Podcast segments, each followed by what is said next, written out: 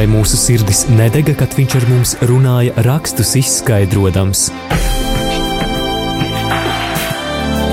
Ceļš uz zem mausu. Lauzīsim kopā Dieva vārda maizi, iedziļinoties dažādos bibliskos tematos.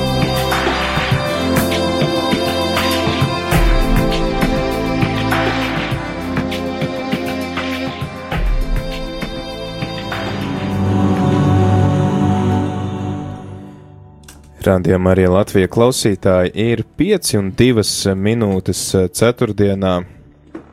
27. februārī ar tevi ētrā priesteris Pēteris Skudra un laiks raidījumam ceļš uz Emausu. Kā ierasts, tad ceturtdienās iedziļinamies Dieva vārdā, klausāmies, kas Dieva vārdam sakāms mums šodien un kā mēs varam atsaukties šim Dievu vārdam. Turpinām lasīt stāstu par Jāzepu. Diezgan, diezgan liela daļa no šīs grāmatas ir veltīta tieši šim patriarham un viņa gaitām, gan kopā ar brāļiem, gan arī tad vēlāk verdzībā. Tad arī mēs sekojam līdzi tam, kā viņš no verga kļūst par otro ietekmīgāko personu visā Eģiptes zemē, un šodien esam nonākuši jau līdz 45. nodaļai, kur viņš beidzot, beidzot sevi atklāja brāļiem. Pēdējās divas, trīs nodaļas mēs runājām par to, kā Jāzeps tiekās ar brāļiem divas reizes, kā viņš um, pārbauda viņus, kā viņš arī sagaida no viņiem kādu zīmi, ka viņi tiešām nožēlo savus grēkus, nožēlo savu rīcību attiecībā uz viņu.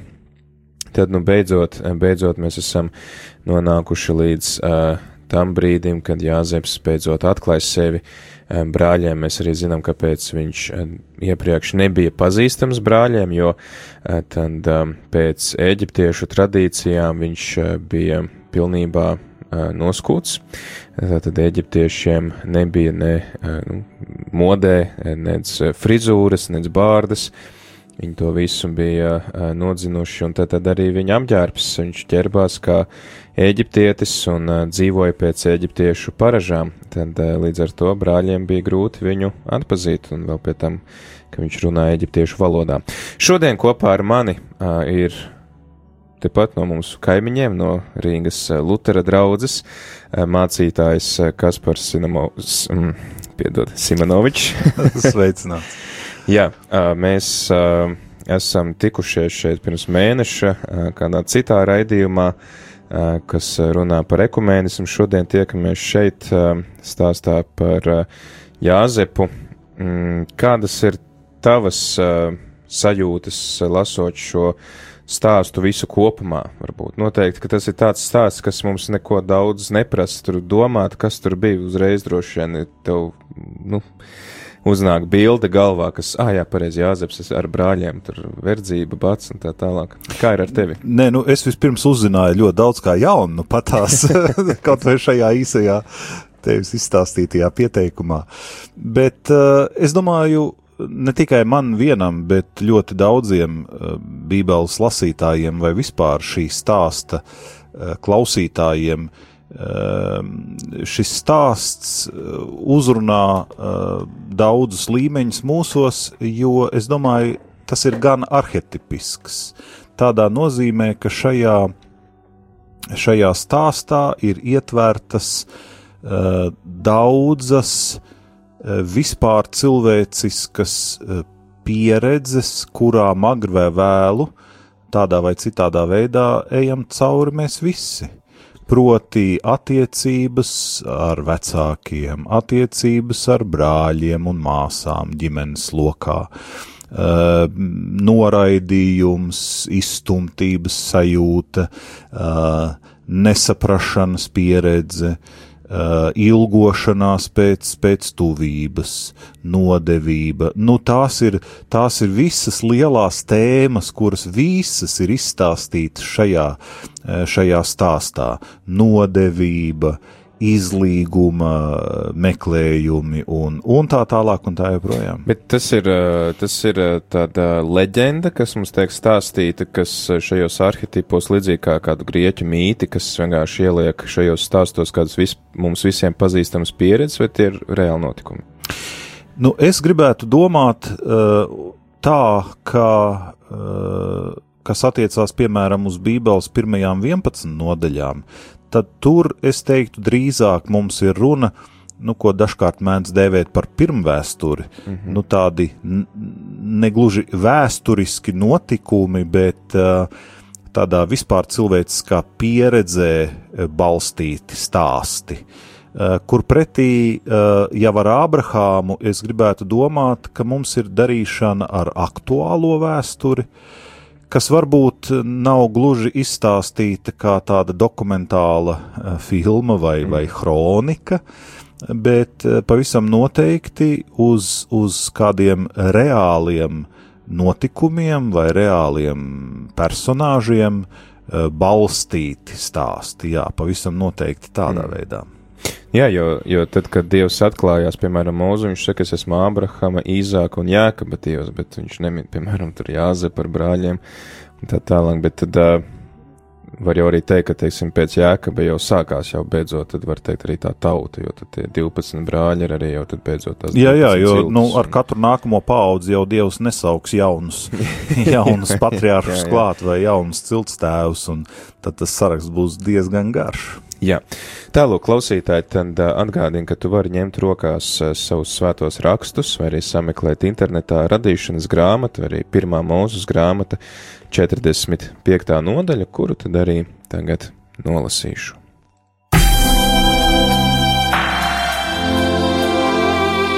Vai mūsu sirdis nedega, kad viņš ar mums runāja, rakstus izskaidrojams? Ceļš uz zem mausu Lauzīsim kopā Dieva vārda maizi, iedziļinoties dažādos bibliskos tematos.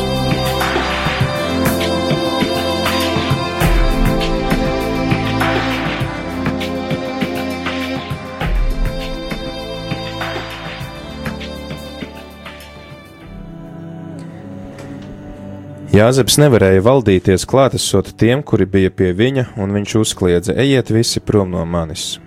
Kad viņš atklāja sevi brāļiem, neviens cits pie viņa nebija palicis. Viņš sāka tā raudāt, kad dzirdēja eģiptieši un dzirdēja faraona nams. Jāzeps teica saviem brāļiem: Es esmu Jāzeps, vai mans tēvs vēl ir dzīvs? Bet viņa brāļi nespēja tam atbildēt, jo bija nobijušies no viņa. Jāzeps teica saviem brāļiem: Nāciet jau tuvāk pie manis. Tie pienāca tuvāk, un viņš teica: Es esmu Jāzeps, jūsu brālis, kuru jūs pārdevāt uz Eģipti un nu neesiet drūmi un nedusmojiet uz sevi par to, ka pārdevāt mani uz šejieni, jo Dievs man ir sūtījis jums pa priekšu, lai mēs izdzīvotu. Jau šos divus gadus visā zemē bija bats, un nāks vēl pieci gadi, kuros nebūs ne aršanas, ne ražas. Dievs man ir sūtījis jums pa priekšu, lai jūs saglabātu uz zemes, lai jūs paliktu dzīvi un daudzi izglābtos. Tad, nu, Ne jūs mani uz šejienu sūtījāt, bet Dievs. Viņš mani darīja par tēvu faraonam, par kungu visam viņa namam un par valdnieku visai Ēģiptes zemē. Steidziet un ejiet pie mana tēva, sakiet viņam, tā saka tavs dēls Jāzaps, Dievs man ir darījis par kungu visā Ēģiptē, nekavējies, nāc pie manis. Apmeties Gošanas zemē, un tu būsi man tuvu, tu un tavi dēli, tavu dēlu dēli, tavas avis, tavi vērši un viss, kas tev ir. Un es tevi tur apgādāšu, jo vēl piecus gadus būs bats, lai neizputētu tu un tavs nams un viss, kas tev ir. Redzi, gan jūs, gan mans brālis Beņamīns redzat, ka es tas esmu, kas ar jums runā. Pastāstiet manam tēvam par visu manu bagātību Eģiptē un par visu, ko jūs redzējāt. Steidziet un atvediet šurp manu tēvu, Viņš krita ap kaklu savam brālim Beņāminam un raudāja, un Beņāmins raudāja apķēries viņam ap kaklu. Un viņš skūpstīja visus savus brāļus un raudāja, un pēc tam viņa brāļi runāja ar viņu.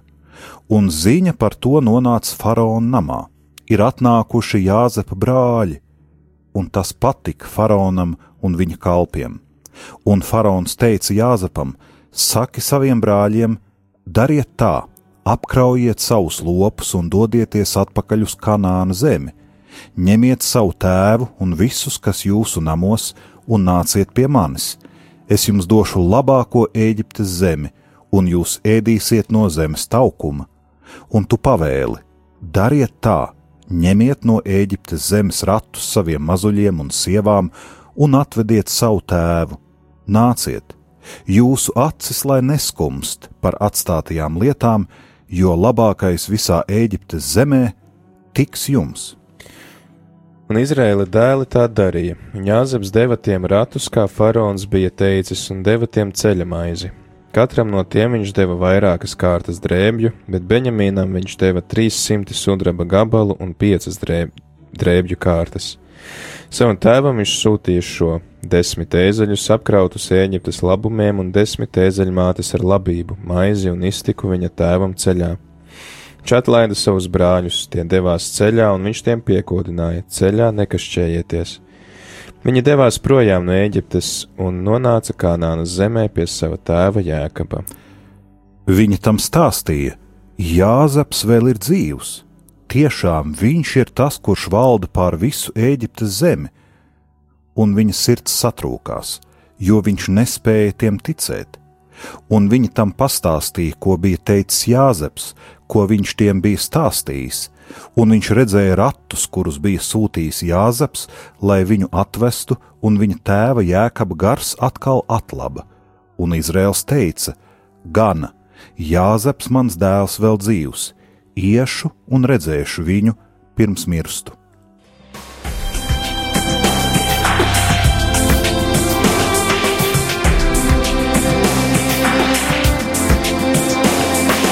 Ceļš uz zem mausu katru ceturtdienu, pulkstens 17.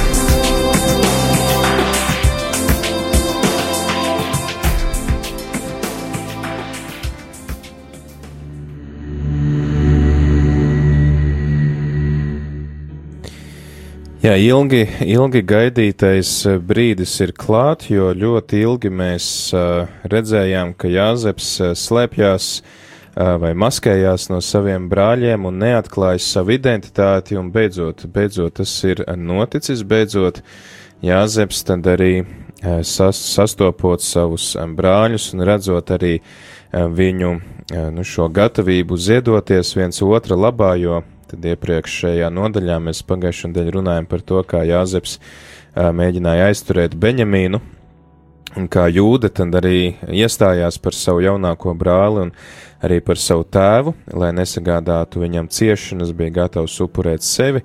Tad tas ir tas brīdis, kad Jāzeps beidzot atklāj sevi, viņš uh, raud, viņš uh, arī tad aicina brāļus sev tuvāk, brāļi šķiet joprojām ir uh, nobijušies no viņa. Viņi nespēja runāt viņa klātbūtnē, kad uh, viņš, kāds tur varētu būt tas, tas arhetips, ka tagad tas brālis, par kuru tu esi domājis, ka tu esi viņu nogalinājis, ka viņš neku tev pretī stāv tagad un runā.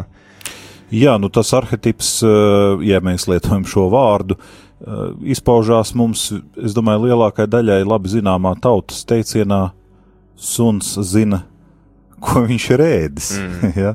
Respektīvi, eh, tas ir absolūti skaidrs, tā ir absolūti skaidra, ikdienā paredzama uh, lieta, ja tu nodari kādam pāri, nu tā riktīgi un pamatīgi, un tev liekas, ka tu viņu esi nu tā satriecis, ka viņš vairs nekad nepiecelsies vai vairs nekad nebūs tavā dzīvē un piepieši tev ar šo cilvēku ir jāsastopas acis pret aci, un tu redzi, ka viņš ir ne tikai piecēlies, bet viņš ir spēka pilns, un, un viņam ir uh, visas iespējas tev atdarīt, nu tajā brīdī tā reakcija ir absolūti dabiska.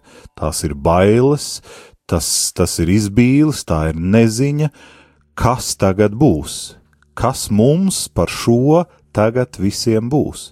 Un starp citu, eh, es nezinu, kāds ir šī raidījuma formāts, bet eh, pieteikumā es saklausīju atsauci uz Emaus ceļu, Jā. kur, uh, kur tā tad viss, kas ir rakstīts iepriekš rakstos, tiek izskaidrots, vēlreiz izstāstīts, lai labāk saprastu šodienu. Tajā, toreiz tajā ceļā uz Emaus. Un uh, es gribu diezgan ātri uzreiz tagad pārmest šo tiltiņu. Jo paskaties, eh, tas, kas notiek ar Jāzepu un viņa brāļiem, šī reakcija, kur vēl mēs viņu ieraugam jaunajā derībā? Augšām celšanās. Jā, precīzi. Jēzus piepieši nostājas mācekļu vidū. Viņi ir pārbijušies. Un ne jau draugi tāpēc, ka kas poku ieraudzījuši vai kaut kādu negaidītu parādību. Nē, nē, ja, ja, tu, ja tu zini, ka nu šķiet, tu esi pazaudējis uh, labu draugu, un pēkšņi tu redz, viņš nāk pretī pa ielu. Tu taču neesi izbijies, tu esi pārlaimīgs, ka izrādās viņš mm. ir dzīvs. Bet tas izbīlis, tās izbailes tajos mācekļos ir tāpēc, ka arī viņi zina, ko viņi ir izdarījuši. Viņi visi aizlaidās, viņi visi atstāja Jēzu, Pēters vispār izlikās, ka tas uz viņu neatiecās, un piepeši, un viņi zina, kādā nāvē Jēzus aizgāja, un viņus mocīja ļoti liela vainas apziņa, un tagad pēkšņi Jēzus ir viņu vidū. Reakcija ir tieši tā pati. Suns zina, ko viņš ir ēdis, ja? un tas vienmēr ir ļoti satraucoši. Jā, interesanti, ka iepriekšējā nodaļā tie brāļi, jo viņi īstenībā jau pārdeva Jāzepu, viņi jau nezina, vai viņš ir uh, dzīvs vai miris, jo viņi jau viņu pārdod verdzībā, bet viņi tā kā, teiksim tā, to vainu izjūtājot, kā viņš būtu miris. Nē, es pat domāju, ka tik daudz nav šeit sakara ar nāvi, kā tieši ar to pašu nodevības faktu. Mm. Nu, viņi atbrīvojās no viņa. Viņi uh, Uh, viņi gribēja viņa nāvi, atcerēsimies. Ja? Viņi vispār iemeta viņu bedrē, lai viņš vienkārši tur aiziet bojā. Bet tad iešāvās prātā ģeniālā doma, nu kāpēc vienkārši kādu iznīcināt, ja mēs varam vēl kaut kādu peļņu no tā dabūt. Ja? Tā kā tas ir vēl, vēl riebīgāk, vēl, vēl, vēl, vēl sliktāk, es teiktu. Ja? Un pēkšņi atskārst, ka tas, pret ko tu esi ar šādu riebīgu rīcību vērsies, ka viņš ir dzīvs un vēl pie tam atrodas tādā pozīcijā, un tu esi absolūti lūdzēji lomā un atkarīgs pilnīgi no viņa žēlstības, nu tajā brīdī mēs varam tikai iedomāties, kādi aprēķini notiek viņu galvās un, un kādas bildes tur parādās, kas tūlīt sekos. Mm. Un, un vēl viena vieta, starp citu, tas man atgādina jaunajā derībā, līdzība par pazudušo dēlu. Proti, e, ats, tas nav tur tieši tādā veidā rakstīts, bet atceries, jaunākais dēls nolem nākt atpakaļ uz mājām. Jā. Un vienā brīdī, ko viņš redz? Viņš redz, kā tālumā tēvs skrien viņam pretī. Mm. Nu, jaunākajam dēlam arī droši vien tajā brīdī visi iespējamie scenāriji izskrien caur galvu.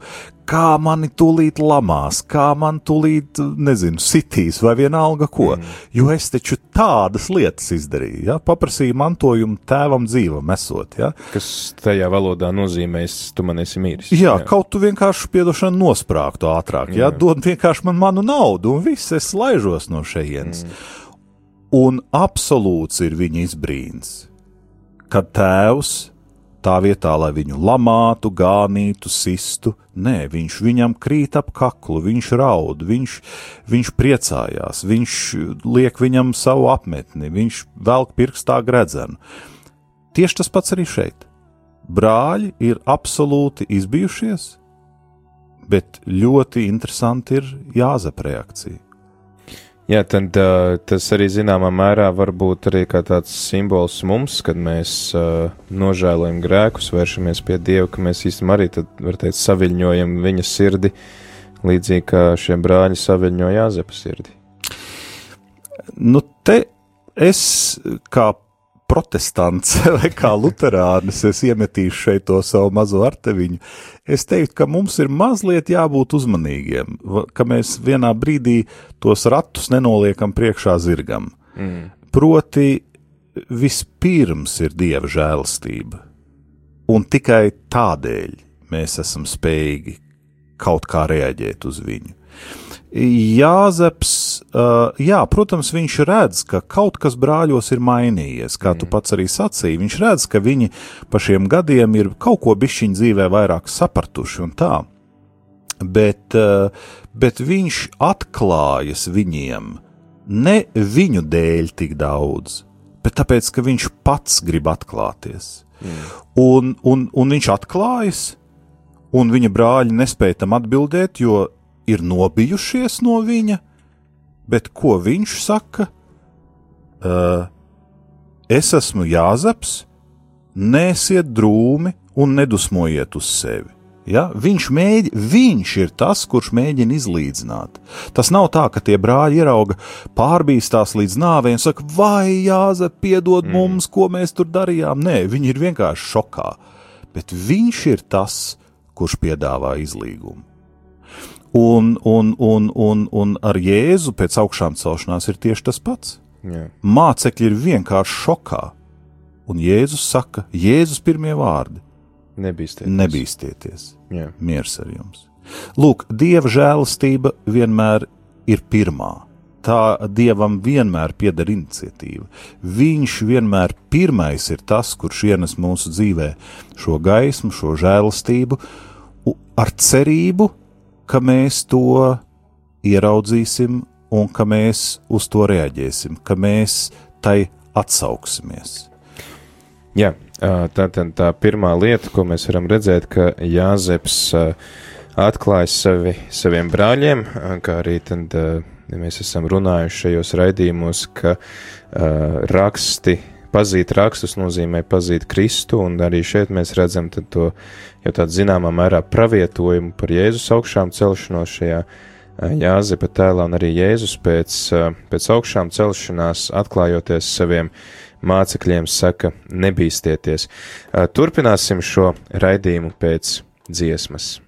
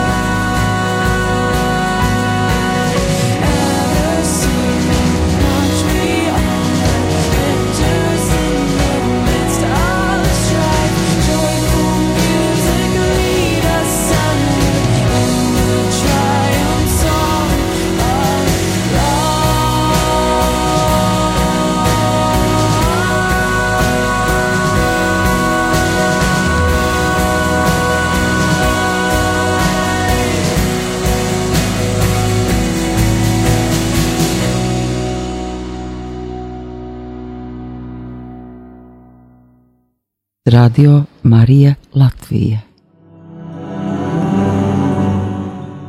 Rādījumā arī Latvijā ēterā turpinam ar raidījumu ceļš uz Emausu. Ar tevi ēterās mēs priesteris Pēteris Skudru un kopā ar mums arī Rīgas Lutra draudzes mācītājs Kaspars Simonovičs. Un atgādinām klausītāji, ka arī jūs varat droši iesaistīties šajā raidījumā ar saviem jautājumiem, ar komentāriem, kas jūs aizkustina šajā stāstā, tad droši zvaniet uz numuru 67969131, var arī rakstiet īziņas uz numuru 266-772272. Mums gan te bija zvans, bet uh, mēs vēl nebijām paspējuši pabeigt teikumu, kad jau um, tātad. Uh, tā klausula ir nolikta. Tātad, ja jums paceļ un jūs dzirdat ēteru savu klausuli, tas nozīmē, ka jums tad arī tiks dots vārds. Tad esiet pacietīgi, kad mēs te pabeidzam teikumu līdz galam. Bet, jā, tātad šis sastapšanās stāsts un Jāzepa piedošana brāļiem, kā mēs arī iepriekš pārunājām, tad ir simbols jau Jēzus augšām celšanās pieredzei un šiem notikumiem, ka arī Jēzus pēc augšām celšanās parādās saviem mācekļiem, kur viņš arī saka, starp citu, um, pirms, pirms gan uh, vēl savas nāves, viņš saka, es jūs vairs nesaucu par kalpiem, es jūs saucu par draugiem, ja.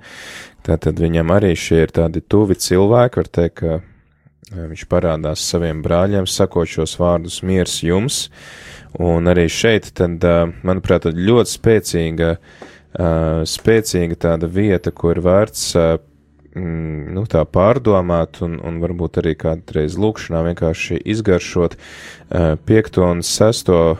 Piekto pāntu, kur Jā, Jāzeps saka, un neesiet drūmi un nedusmojiet uz sevi par to, ka pārdevāt mani uz šejieni, jo Dievs man ir sūtījis jums pa priekšu, lai mēs izdzīvotu.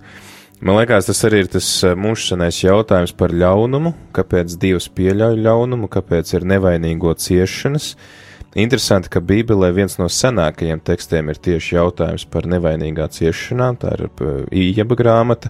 Un arī šeit, tad, um, kas ir interesanti, ka šis stāsts par Jāzepu, piemēram, Abrahamam Dievs parādās dažādos veidos sūta eņģeļus. Um, Jēkabs piedzīvo šos sapņus, kur viņš satiek Dievu, cīnās ar Dievu, tad Jāzepa stāstā Dievs nav nekur kā darbojošā persona. Un neskatoties uz visu to, ka liekas, ka Dievs šeit visā šajā stāstā klusē, Jāzeps saka, Dievs man ir sūtījis jums pa priekšu, lai, mūs, lai mēs izdzīvotu. Vēl vairāk, astotajā pantā viņš saka, specifiski uzsver, ne jūs mani uz šejien sūtījāt, mm. bet Dievs. Lai gan tīri tehniski tie bija brāļi, kas viņu iemeta bedrē, tie bija brāļi, kuri pārdeva viņu uh, vergu tirgotājiem, tie bija viņi. Un vienlaikus izgājis visai šai dramatiskajai pieredzē cauri, piedzīvojis noteikti pats sevī lielas pārmaiņas, viņš beigu beigās ierauga šo visu kā dievu providenci Viņš ieraug šo visu ietvertu daudz lielākā ietvarā nekā viņa tā brīža pārdzīvojumi. Un viņš ir gatavs teikt, ziniet, šis viss tomēr ir dieva darbs. Un tas man savukārt atgādina apakstuļu Pāvila rakstīto vēstulē romiešiem 8. nodaļā, kur Pāvils saka, tiem, kas mīl Dievu, visas lietas nāk par labu. Viņš arī pats uzskaita vēstulē korintiešiem, ja nemaldos, esmu piedzīvojis tur nomētāšanu ar akmeņiem, o, jā, kam tik visam, karstumu. Kam tik visam viņš pats Bāda, nav gājis jā, jā. cauri, bet arī ko tik visu viņš nav nodarījis citiem cilvēkiem. Arī. Ja? Un beigu beigās viņš saka, nu tiem, kas mīl Dievu, visas lietas nāk par labu. Un tas man liek domāt uh, par tevis piesaukto ļaunuma problemātiku. Un es teiktu, ka tā un es nebūšu neko oriģināls. Tā ir mistērija, tas ir noslēpums, kas nav aptverams, bet kuram ir divas daļas. Un tā viena daļa ir, ka mēs esam brīvi cilvēki, un mūsu brīvā griba, mūsu brīvās izvēles, mūsu rīcība, mūsu attieksme, kā mēs attiecamies viens pret otru, ko mēs nodaram viens otram, ir ļoti liela sastāvdaļa visā ļaunumā. Mēs nu, nu, ļoti lielā mērā realizējam savu dzīvi, uh, un, un pļaujam to, ko esam sējuši, vai liekam citiem pļaut, ko paši sējam, mēs esam iesaistīti tajā visā, tādā negatīvā nozīmē. Un tajā pašā laikā, un tā ir tā noslēpumainā daļa, kā tas tā var būt? Ka tu vari būt ļauns cilvēks, tu vari izdarīt sliktas lietas, apzināti vai varbūt neapzināti, ar tevi var notikt sliktas lietas, un vienlaikus beigu beigās Dievs to visu spēja kaut kā ieintegrēt savos lielajos plānos.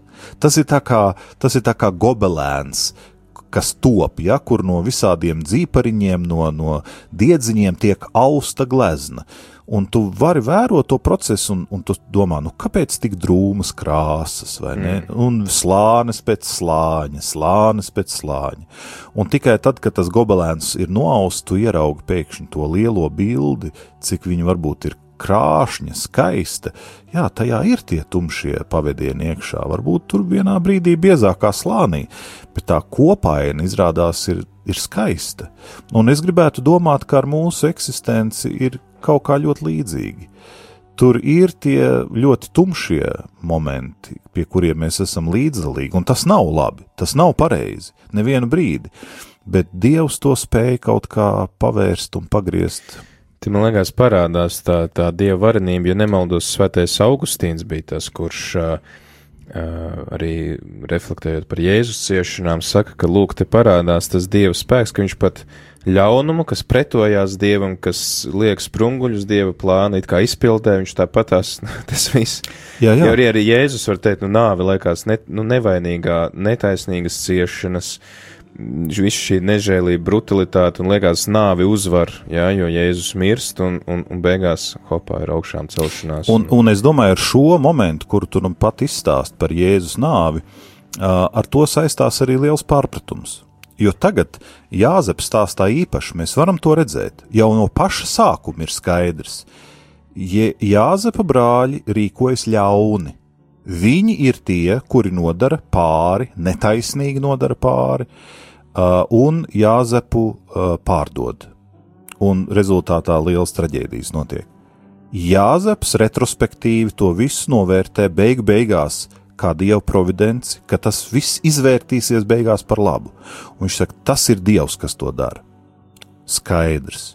Bet tagad, tagad Jēzus nāve pie krusta. Mēs esam daudzus gadsimtus pieraduši sacīt, tas ir Dieva darbs, tā ir Dieva providence.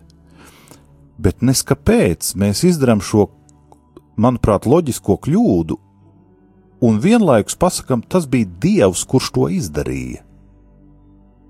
Es neesmu dzirdējis, ka kāds teica, ka Dievs to ir darījis. Uh, nu, viņš uh, pieļauj, ja viņš sūta savu dēlu. Un... Jā, jā, jā, bet implicēti šajā te lūk, uh, šajā pieļāvumā, ka viņš nu, to ir pieļāvis un viņš sūta savu dēlu un atdod savu dēlu. Ir cilvēki, kuru galvās tas, tas nostrādā, ah, nu tas bija Dieva plāns. Tas bija plāns, nu, Dievs bija izdomājis, ka tā tev vajadzētu izstrādāt. Ja? Mm. Un tagad attiecināsim to uz Jāzepa stāstu. Nu, vai tiešām mums liekas, ka Dievs tā domā, nu, nu kā varētu padarīt šo pasauli labāku? O, es varētu iedvest Jāzepu brāļiem, ka viņiem vajag Jāzepu mocīt un, un iemest bedrē un pārdot vergu tirgotājiem un pamocīsim to Jāzepu, jo tā taču mēs, tā taču es to pasauli padarīšu labāku. Mēs saprotam, cik absurdi tas skan. Respektīvi, tā ir paša Jāzepa privilēģija interpretēt savu dzīves gājumu. Mm. Viņš drīkst apskatīties uz atpakaļ un teikt, jā, brāļi, jūs man nodarījāt pāri, jūs man pārdevāt. Uh, tas viss bija slikti, bet ziniet, Dievs šo visu ir pavērsis par labu. Un līdzīgi es teiktu, mums būtu jāskatās arī uz Jēzus dzīves notikumiem. Jā, Jēzu ļauni cilvēki piesita krustā. Jā, viņu nevainīgu apsūdzēja, notiesāja, tas bija ļauni, noziedzīgi, nepareizi. Tas nebija pareizi, kas ar Jēzu tika izdarīts. Bet Dievs spēja to beigu beigās pavērst par labu. Ja? Respektīvi, tas, ta, tas dieva plāns, tā providence ir tajā, ka viņš paņem kaut ko ļaunu un negatīvu un spēj no tā iz, izvērst kaut ko labu. Tas nav tā, ka Dievs jau no iesākuma izdomā šo ļauno scenāriju ar tādu viltīgu gājienu. Ja? Nē, nē, tie esam mēs cilvēki, kur šos ļaunos scenārijus izdomājam. Bet Dievs, jā, viņš viņus pieļauj, taisnība. Tā ir mūsu brīvā griba. Jā, bet viņš pamanās beig beigās no tā ārprāta, kas tur ir.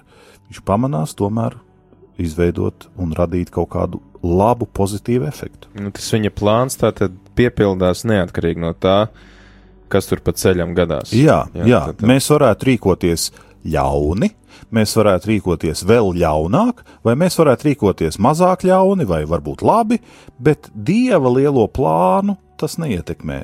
Tas dieva nodoms, tas labais nodoms, viņš piepildīsies jebkurā gadījumā. Un šīs nevainīgā ciešanas arī, nu tā viena Uh, vēl viena tāda atbilde, kas varbūt ir arī šis uh, mīlestības pierādījums, jo tad, kad, nu, kā arī ja tagad gavēņa laikā, ja mēs lasām šos lasījumus, ka ja jūs mīlat tos, kas jūs mīl, kāda jums alga tiek, ja, bet ja tu mīli par spīti tam, ka tev ir arī jāpiedod ļoti daudz pārestības, tas jau parāda tā ir tiešām, nu, tāda, nu, autentiska mīlestība, kas negaida neko pretī, kas vienkārši dāvās sevi tad, kad sevi ir jādāvā. Uh, precīzi, un uh, Kāpēc tā ir iespējama? Nu, ja mēs atkal paskatāmies uz Jāzepu, jā, es domāju, tajā brīdī, kad Jāzeps tiek iemests bedrē, viņš ir izmisis, viņš ir nelaimīgs, viņš varbūt ir dusmīgs, viņš ir, nu, viņš ir bezpalīdzīgs, viņš tiek pārdots uh, tālāk, viņš ir bezpalīdzīgs, izmisis, dusmīgs, bet viņš pats iziet cauri noteiktām pieredzēm, un noteiktos brīžos tajās pieredzēs viņš piedzīvo žēlastības mirkļus un pateicoties tiem žēlastības mirkļiem, viņš, viņš vienā brīdī spēja pārvērtēt to, kas ar viņu notika, un izvilkt arī no tā kaut ko labu ārā. Un tāpēc, ka viņš to ir spējis izdarīt, viņš spēja piedot saviem pāri darītājiem, jo viņš bija piedzīvojis žēlastības mirkļus, un viņš šo žēlastību nodod tālāk. Viņš nepatur to rūkumu sevī, bet viņš nodod tālāk šo žēlastību, un tas nevar neuzrunāt. Tas uzrunā Jāzepa brāļus, tas izmaina viņu sirdis, tas uzrunā Jēzus mācekļus, tas izmaina viņu sirdis. Tas nevar neuzrunāt cilvēkus. Jā, un ja mēs pieturamies pie šī principa, ka raksti skaidro rakstus, tad šodienas liturģijā mums baznīca piedāvā lasīt Lūkas evaņģēlī 9. nodaļu, Ja kāds grib man sekot, tas lai aizliedz pats sevi un ikdienas ņem savu krustu un seko man. Kā arī tātad šīs ciešanas, ciešanas un pārbaudījumus un grūtības mēs varam pacietīgi nest aiz Kristus, un arī šie, šie varbūt Jēzus tie piemēri mums rāda to, ka tās mūsu ciešanas un tas krusts, ko mēs nesam, ko varbūt arī mums sagādā citi, ka tas nav bezjēdzīgi ka to visu mēs varam upurēt, ka tas nes beigās. Tiesim tā, Jēzus gadījumā tas nes pestīšanu visai tautai. Šeit Jāzeps saka, tas ir, lai mūs, lai mēs izdzīvotu, lai mēs nenomirtu badā. Jā, citiem vārdiem sakot, tās ciešanas, kuras es piedzīvoju, es nevis uh, noraidu un gribu no viņām atkartīties un tādā veidā nododu citiem tālāk, mocīdams citus vai, vai savus pārdarītājus, uh, bet es viņus absorbēju sevī, es viņus uzņemu sevī, un es viņus transformēju sevī, un es viņus atdodu, ja tā var tēlēni sacīt, dievam, dieva klātbūtnes pieredzēji, un jā, un tad Dievs savukārt viņas var mani izmainīt un no šīs pieredzes izvērst tiešām kaut ko svētīgu. Jā, garīgie skolotāji runā par to, ja tu nevari izskaust ļaunumu vispār no pasaules, tu viņu vari apturēt pie sevis vismaz, ka caur tevi viņš neturpinās, jo mēs redzam arī, cik daudz uh, um, nu, cik daudz ciešanu pasaulē ienes atriebība. Piemēram, ah, jūs man to, tad es jums tagad, ja es nevaru jums, tad es kādam tur nezinu jūsu atvasēm, un tā tas var ilgt paudžu paudzēm ilgi. Un tā tas arī reāli notiek. Jā. Uh, un tas vienmēr pārtrūks tikai tur, kur kāds ļauj tam apstāties pie sevis. Ar visu cenu, kas par to ir jāsamaksā, bet viņš ļauj tam apstāties pie sevis. Un viņš atsakās šo ļaunuma pieredzi, šo ciešanu pieredzi uh, nodot tālāk citiem cilvēkiem. Jā, un tad arī steidz, uh, viņš ne tikai piedod saviem brāļiem, bet viņš arī, un te arī vēl viena lieta, ja mēs tā skatāmies uz cilvēces pestīšanu vispār, jo uh, kas notiek, teiksim tā, ar Jēzus upuri, ja mēs uh, arī mācām, nu, teiksim tā, teoloģijā mācāmies to, ka lieldienās nav tā, ka Dievs atjauno sākotnējo kārtību, kāda bija Ādama un Ieva, mēs tiekam pacelti dievišķā līmenī, kas pat vēl nebija, nu, ka mums ir iespēja būt vienotiem ja, ar Dievu, tieksim, kristības sakramentā mēs saņemam tādu žēlstību, kāda nebija pat Ādamam ar Ievu. Un līdzīgi arī šeit ir Jāzeps, viņš ne tikai saka, labi, brāļi, es jums piedodu, ejiet atpakaļ uz savu zemi, bet viņš viņus paceļ, šaka, es jums dodu tagad auglīgu vietu, kur jūs varat dzīvot, ir šī te Gošena zeme, kas tātad ir tāds, tāds reģions Eģiptē, kurā kurā, kurā atrodas Nīlas iztekā, kur ir labības, nu, labības tajā laikā nav, bet tātad tur var uzturēties lopi un cilvēki, tur ir ūdens pietiekamā daudzumā, ka tātad viņš ne tikai piedod un ļauj atgriezties lietām iepriekšējā stāvoklī, bet viņš vēl paceļ to savu ģimeni jaunā godā, var teikt. Jā, viņš piedāvā, tā sakot, jauna līmeņa uh, pieredzi, ne, iepriekš nebijuša uh, līmeņa pieredzi. Tas ir apmēram uh, par, um, par Kristus upuri, ja mēs velkam šīs te paralēlas, esmu dzirdējis tādu salīdzinājumu, ka mēs, es nezinu, varam iedomāties kādu karaļnamu, ja tur, piemēram, Anglijas karalieni, kāds ir izdarījis noziegumu pret viņu, un nepietiek, ka tā karaliene pasaka, es tev piedodu, viņa vēl saka, es tevi adoptēju, un tagad tu esi ar karalisku, nu, teiksim, šo nu, cieņu, vai tagad tu esi, teiksim, karaļa nu, bērns, jā. Kur tu iepriekš biji noziedznieks, kas varbūt ir aplaupa to karali vai vēl kaut ko tādu. Līdzīgi Dievs izdara ar mums. Jā, šo Kristus upuri. Jā, tieši tā. Un, un, un es domāju, mēs šo pieredzi uh, ļu, labi zinām, un proti mēs viņu varam pārcelt no teoloģisku ideju vides uz sociālo vidi proti tas, ko sauc par sociālo rehabilitāciju. Hmm. Uh, tad, kad, nezinu, noziedznieks ir izcietis sodu, vai, vai viņam tiek samazināts sots un viņš tiek izlaists no cietuma, tad jebkurā normālā valstī visi zina, ka nevajadzētu ļaut šim cilvēkam nonākt atpakaļ tajā pašā vidē.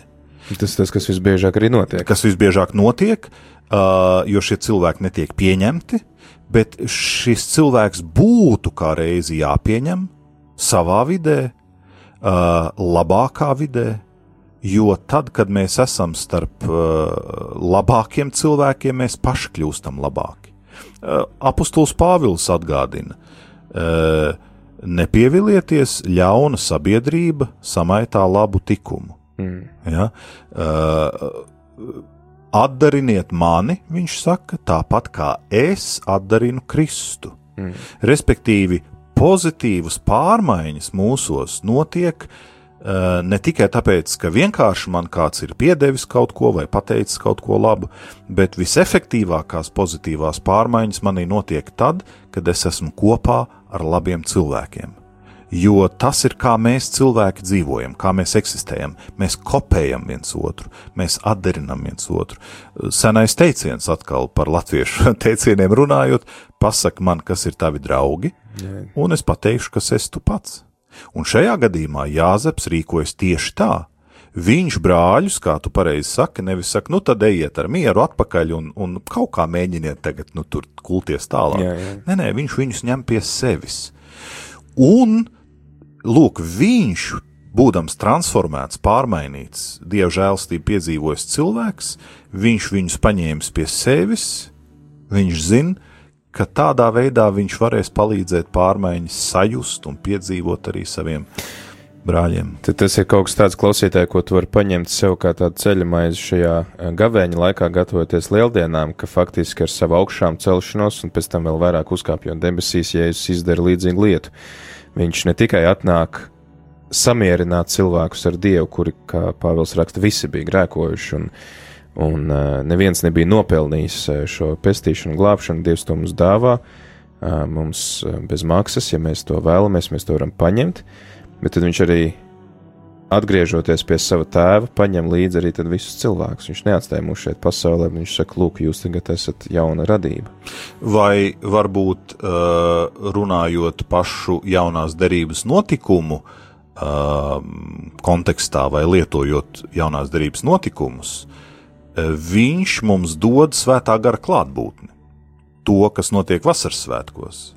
Proti, uh, viņš pats fiziski varbūt ir prom, viņš nestaigā fiziski mūsu vidū, bet uh, caur svēto garu viņš ļauj mums piedzīvot šo viņa klātbūtnes, mm. viņa mīlestības pieredzi. Ja?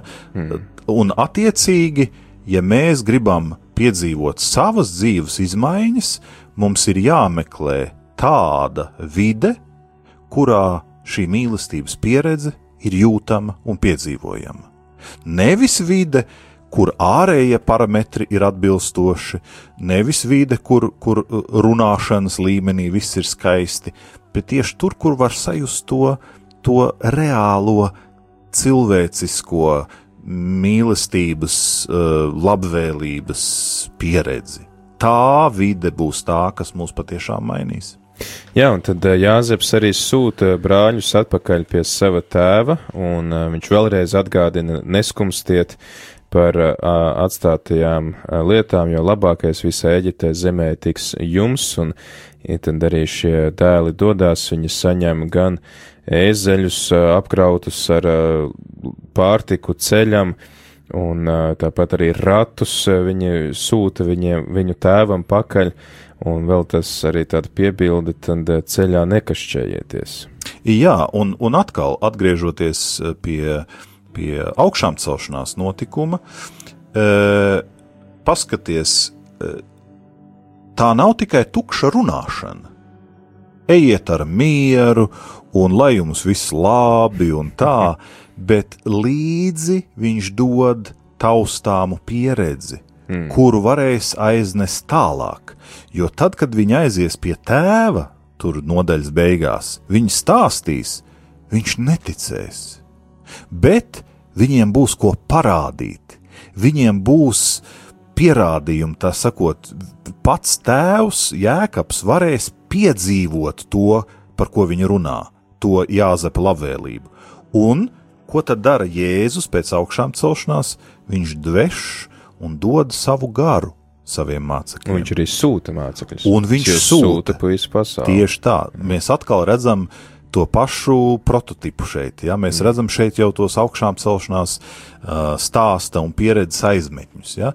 Tā labā dieva žēlastības pieredze, viņa nav tikai vārdos, bet mēs viņu, mūsu uzdevums ir viņu iedot otram cilvēkam maksimāli taustāmā veidā, un mēs gribam, lai tas labais, ko mēs esam piedzīvojuši un sapratuši, ka tas nepaliek tikai manī, bet es to gribu otram iedot tā, ka arī viņš var iet un kaut ko labu citiem cilvēkiem izdarīt. Mm. Jā, un tad jā, Jēkabs arī gandrīz vai kā tādu kerigmu pasaka, Jāzeps, mans dēls ir dzīvs, iešu un redzēšu viņu pirms mirst, un tas arī ir tā veids, ko šodien kristieši turpina sludināt, ka Kristus ir dzīvs un iesim viņu sastapt. Absolūti precīzi, ja? Pirms mēs mirstam, tā sakot, mums vēl ir jāierauga, mums vēl ir jāpiedzīvo, jo tas ļaus mums sākt dzīvot pilnīgi cita līmeņa dzīvi. Un man uh, liekas ļoti simpātisks šis uh, Jāzepa piekodinājums ceļā nekašķēties. Proti, mēs, tas ir apmēram tā, ka viņš saka, nu, klausieties, nu, mēs zinām, pie kā var novest strīdi, mēs zinām, pie kā var novest domstarpības, kuras mēs pa visām varītēm gribam uzturēt, un tagad ierakumus uztaisīt. Mēs zinām, ko nozīmē vilkt šīs līnijas un kādus ienīst un, un ar kādiem akals sadarboties un apsūdzēt citus. Nu, mēs zinām, ar ko tas beidzas. Protams, ka Dievs ir liels, viņš var to visu pārvērst par labu, bet aiztaupīsim sev šo visu. Jā, jā. Aiztaupīsim, nekašķēsimies. Tas nav tā vērts. Jā, man liekas, ka tas arī ir tāds aizrādījums, nu, kas ir bijis, ir bijis. Tagad nav vērts tur strīdēties, kuram bija tā ideja viņu tur mm, iemest bedrē, kuram bija ideja pārdot, kurš teica, jau veči varbūt nedaram tā, jā. Viss ir apklāts. Viss, viss, viss jau, ir apklāts. Jā, Dieva žēlastība visu ir apklājusi. Tad mēs tagad jā? skatāmies tālāk. Mēs ejam uz priekšu. Un priekšu. tur mums ir pilnīgi citādāk iespēja dzīvot. Pilnīgi citādāk. Paldies eh, par šo stundu. Mums ir jānoslēdz šis raidījums. Tad varbūt uz atvadām, rezumējot, kas ir tās lietas, ko mēs varētu paņemt šodien līdzi, pārdomājot šo rakstu vietu, un kas varētu būt tā mūsu atbilde tam, ko Dievs mums saka caur, caur šiem vārdiem šodien dzirdētiem. Grūtības ir neizbēgama dzīves sastāvdaļa. Mums ir jārēķinās, ka piedzīvosim dažādas negatīvas pieredzes, sāpes, nodevību, vilšanos Bet ja vien mēs paļaujamies uz Dieva klātbūtni, Dievs var, Dievs no oglēm var uztaisīt diamantus, kā mēs zinām. Ja? Uh, ļausim Dievam paņemt mūsu sāpīgo dzīves pieredzi, to transformēt par, par dārgakmeņiem mūsu dzīvē. Un neturēsim šos dārgakmeņus pie sevis, bet dāvināsim tos citiem. Šo mīlestību, žēlastības pieredzi, uh, Mēs esam aicināti dāsni dāvināt apkārtējiem cilvēkiem un iedrošināt viņus rīkoties tieši tāpat. Tas ir tas veids, kā Jāzeps dara, tas ir tas veids, kā Kristus dara, tas ir tas veids, kā Pāvils to dara, tas ir tas veids, kā ticība, eh, kas ir patiesībā dieva žēlastības un mīlestības pieredze, kā tā tiek nodota no paudzes paudzē, un tikai pateicoties tam mēs joprojām šodien šeit esam. Tad pacietība, ciešanas nav bezjēdzīgas, un vienmēr nāk augšām celšanās, un piedošana dāvā brīvību gan tam, kurš piedod, gan tas, kas saņem to piedošanu. Tā kā, lai tad arī šī ir kā tāda laba ceļamais tev, klausītāji, turpmāk šajā gavēņa laikā, jo pavisam, pavisam drīz mēs turpināsim ar svētās mīsas translāciju, kas šodien būs no no Svētā Jāzepa katedrālas Liepājā. Mēs tad ar mācītāju Kasparu no jums atvadamies un tiekamies jau nākamajā ceļā uz Zemmausu pēc nedēļas.